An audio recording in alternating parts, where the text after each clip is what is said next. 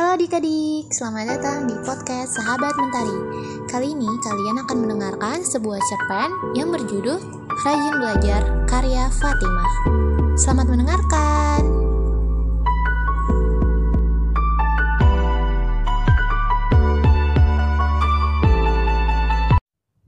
Cerpen Rajin Belajar Hari Senin yang sangat cerah setelah anak-anak selesai melaksanakan upacara bendera, mereka semua menuju kelasnya masing-masing untuk belajar di kelasnya.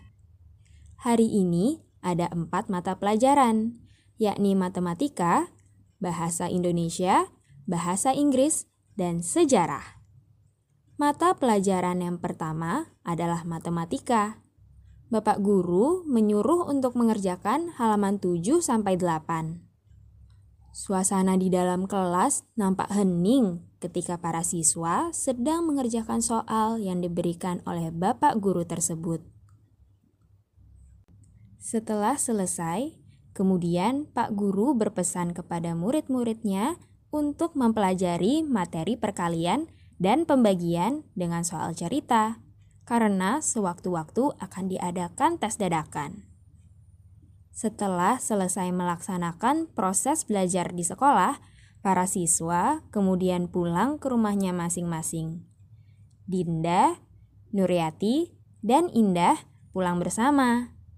Mereka bertiga berjalan kaki karena memang jarak sekolah ke rumah mereka tidak terlalu jauh. Setelah makan siang nanti, kita bermain bersama ya. Di rumahku ada boneka baru yang dibelikan ayahku dari Bandung. Pinta Indah kepada kedua temannya. Asik! Ucap Dinda dengan penuh kegembiraan. Gimana? Nur, kamu bisa ikut nggak? Aku tidak bisa ikut. Aku mau belajar saja. Karena tadi kan Pak Guru berpesan untuk belajar untuk persiapan karena ada tes dadakan. Sanjang Nuryati dengan polosnya.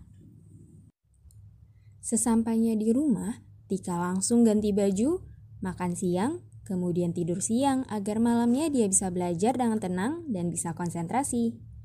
Sesekali ia bertanya kepada ayahnya jika ada yang kurang paham dengan materi di buku. Sedangkan Dinda dan Indah asyik bermain boneka hingga larut, sehingga mereka tidak sempat mempelajari materi. Keesokan harinya, mereka berangkat bersama.